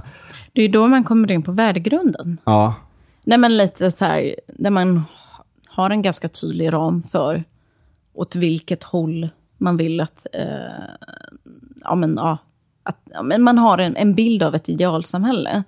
Eh, och då är ja, men så här, det är ju ett ämne i sig i och för sig, men, men det finns ju, ja, jag tänker på Christer Mattsson som forskar väldigt mycket kring liksom, eh, hur, hur skolan kan bemöta elever med eh, ja, vad ska man kalla det, avvikande åsikter, eller vad man ska säga, Ja, som, som är emot värdegrunden.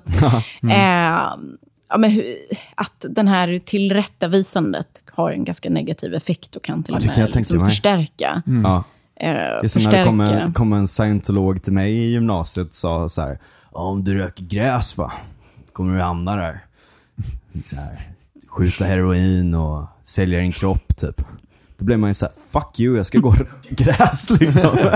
Men det var också för att jag var en jävla skitunge. Ja, och, och det kan jag tänka, för, för, för just Christer Mattsson har ju uppmärksammats för att han själv hade någon så här till, ganska så här starkt tillrättavis, eller han hade en debatt mot en elev eller någonting. Ja, Eh, någonstans där NMR är stora. Ludvika. Ludvika kanske. Ja. Nu vet, jag vet inte om det var exakta, men någonstans liksom i Mellansverige. Nazibältet. Jag är från Ludvika. Nej, men jag kommer inte ihåg. Men de är ju migranter dit. Ja, ja, det är Ja. jättekonstigt. Men det, ingen det är som en vill helt ha annan dem. fråga. Det är ingen som vill ha dem där.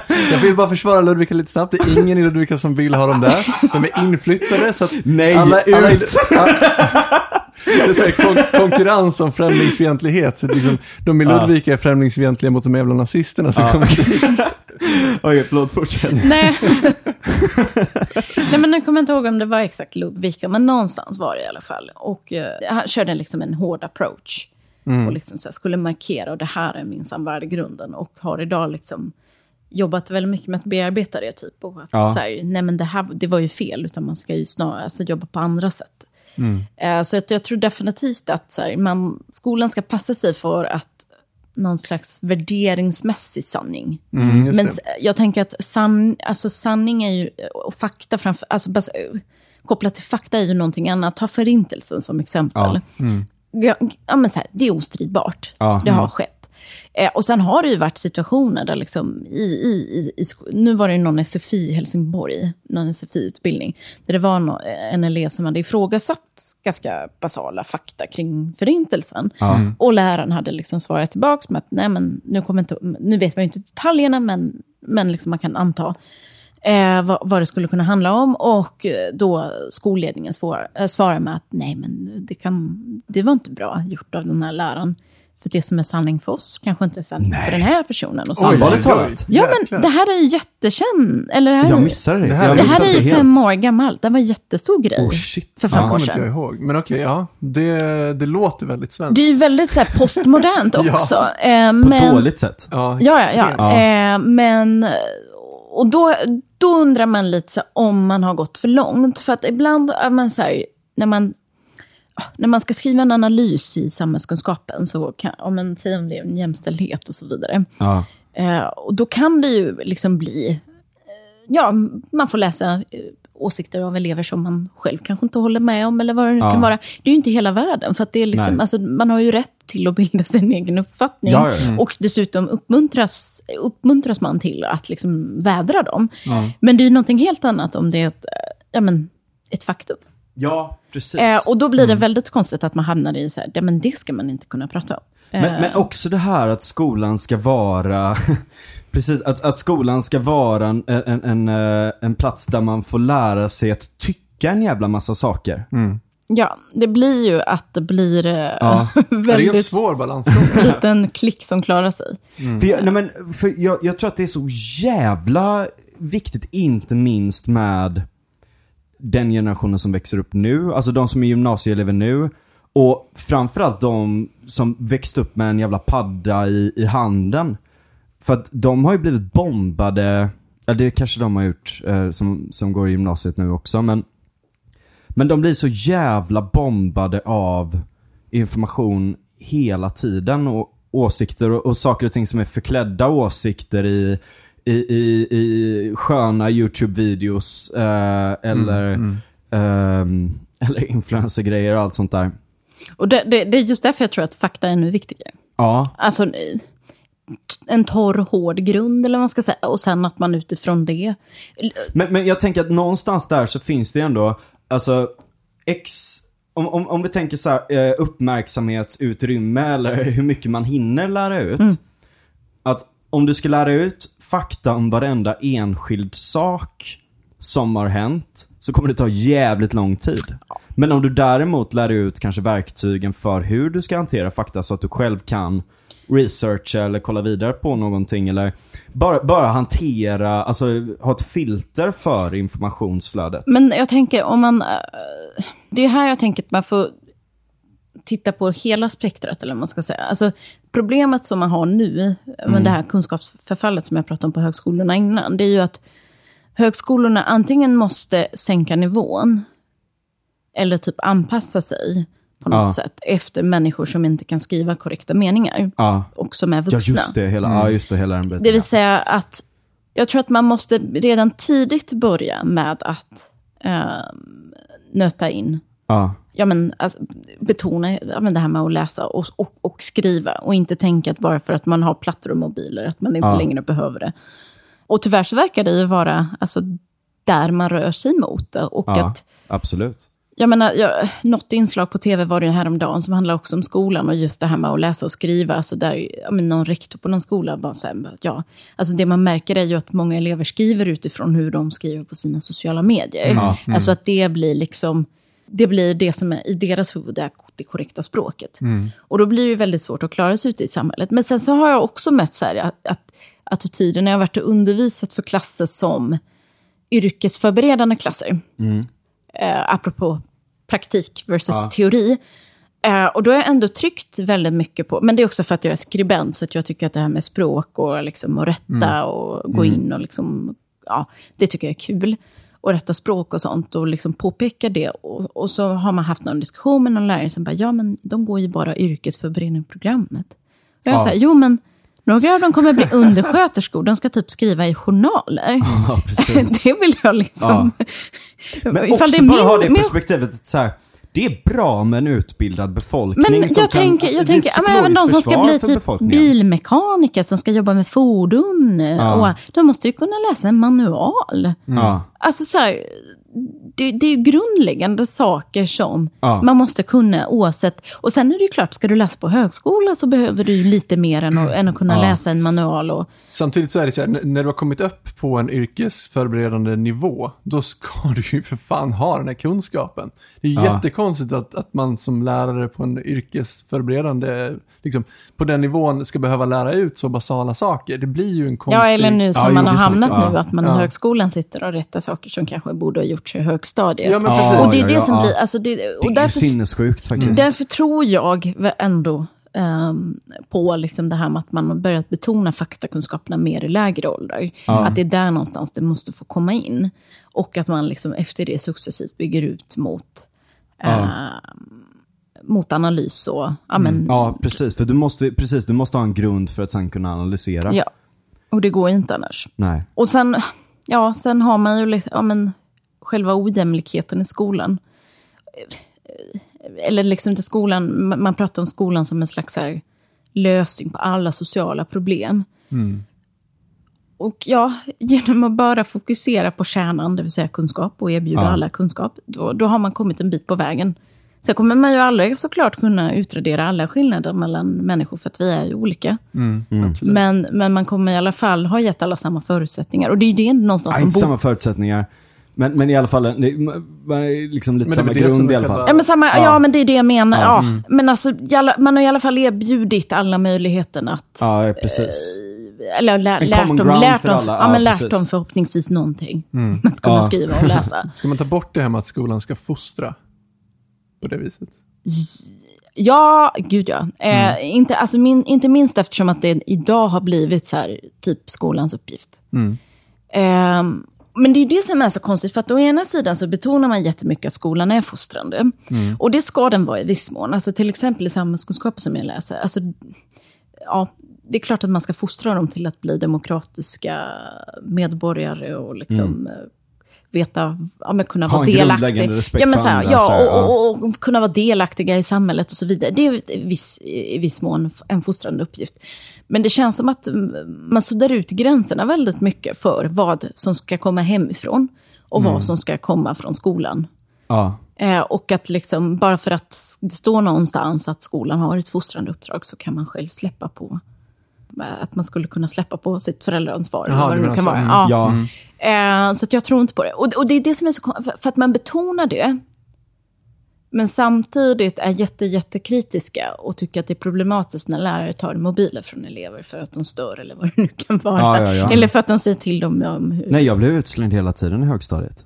Är det så? Ja, ja, ja. Men jag tyckte det var bra. Alltså nu i efterhand tyckte jag det var skitbra. Jag var ju skitjobbig liksom. Men jag blev klar med allting och sen bara så här, satt jag och störde alla andra typ. Ja, det, där, det, där, det där är ju en fråga i sig, för det där är ju ett problem som jag också haft genom hela min, min liksom, att jag har känt mig understimulerad. Ja. Alltså att jag blivit uttråkad i skolan och jag har ofta fått den här rollen att jag ska sitta med de som har det svårt och vara någon sorts extra lärare. Det fick jag jättetidigt i skolan. Så att jag har ju så jättedåliga Ja, erfarenheter när av de satte skolan. mig så, så bara pajade jag hela klassrummet. Alltså du är en sån skön skrika. rebell. Jag var inte det. Jag har blivit nej. rebell på äldre dagar. Eh, på, på en avslutande not. eh, vad, alltså, hur tror du att framtidens ungdomar kommer att, att klara det här informationsklimatet vi har? Det är en väldigt stor och svår fråga. Men jag tänker att det binder samman lite det som vi har pratat om, båda de här grejerna. Mm. Nej, men jag tror att, jag tror att man kommer ha väldigt svårt för att nå ut. Alltså jag tänker traditionella medie... Ja. eh, medier kommer ha väldigt svårt att nå ut till yngre. Eh, och det märker, alltså märker man ju själv att ibland nås man ju av nyheter på Twitter snarare Ja, än, ja. och sen går man in och kollar och fördjupar. Eh, så att, och det ställer ju liksom helt nya krav på eh, ja, men dels hur ja, men skolans uppgift, det blir ju ännu viktigare att ja, men så här, lära ut strategier för att kunna faktakolla och så vidare. Eh, men jag tror, jag tror, ja men det kommer vara mycket mer icke-traditionella vägar som man Ja. får sin information från. Eh, Mycket mer kaotiska. ja, ja, eller det blir nog fler bollar i luften Ja. eh, tror jag. Och jag tänker, och det är väl där liksom faktan kommer tillbaka. Liksom. Har man den som en grund? Mm. Eller liksom någon slags bild av verkligheten? Ja. Eller utgå ifrån. verktyg, typ. Ja, filosofiska verktyg eller en viss kunskap om att, att man tenderar åt kanske vissa kognitiva bias och sådär. Ja, så blir det nog enklare att orientera sig även när informationsflödet är stort. Ja.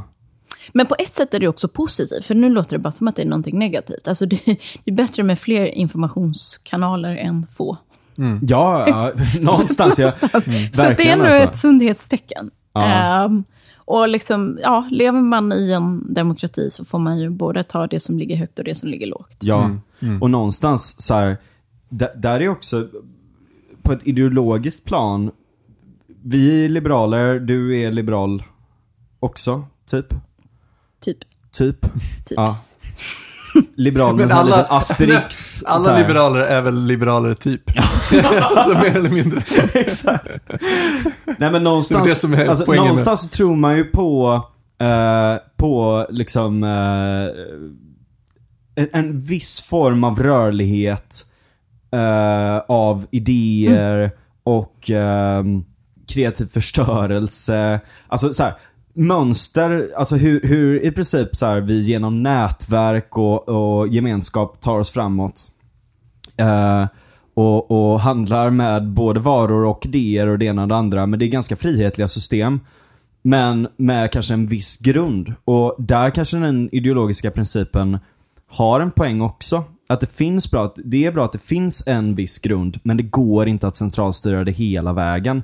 För då hamnar man i det här, liksom, du ska tycka på exakt det här sättet. Eller i, i värsta fall, eh, så här, att, att, att, man bara, att det bara hamnar i någon sån här, ah, alla har ju rätt till sin egen uppfattning Ja. och sådär också. Det finns ju liksom båda de två spektrarna av det hela, men någonstans så finns det en mitt i det här där man ser på hur fungerar människor med varandra också.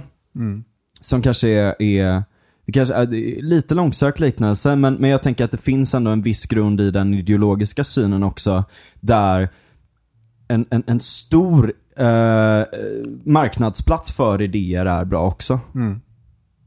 Och det, man kanske inte ska liksom tajta det för mycket för att det kan gå åt helvete på andra håll då. Alltså eh, negativa externaliteter som man inte hade kunnat tänka utifrån hur man centralplanerar saker och ting. Det blev en liten eh, ideologisk eh, slutsats. Nej, det kanske var långsökt. Men ehm, tack så jättemycket. Ja, tack själva. Vilket, vilket intressant samtal det har varit. Om, nej men det, det, är, det är fruktansvärt kul att gå in på, på alla de här, eh, liksom, hur, hur jävla, vilket så här, nytt läge i mänskligheten Ja, ja, egentligen är. verkligen. Och, och hur fort det har gått. Från, Ja. Alltså, Och hur vi är så otroligt oförberedda, både i politiken och både i de som sen ska vara de som röstar på politiken och liksom i informationsflöden i allmänhet. Det är ju ett jävla så här nerd topic för min del, som jag tycker är fruktansvärt intressant. Så att det var kul att få eh, perspektiv från dig. Ja. Kul att man fick bidra med någonting. Om man nu har gjort det. Det är så postmodern. Exakt.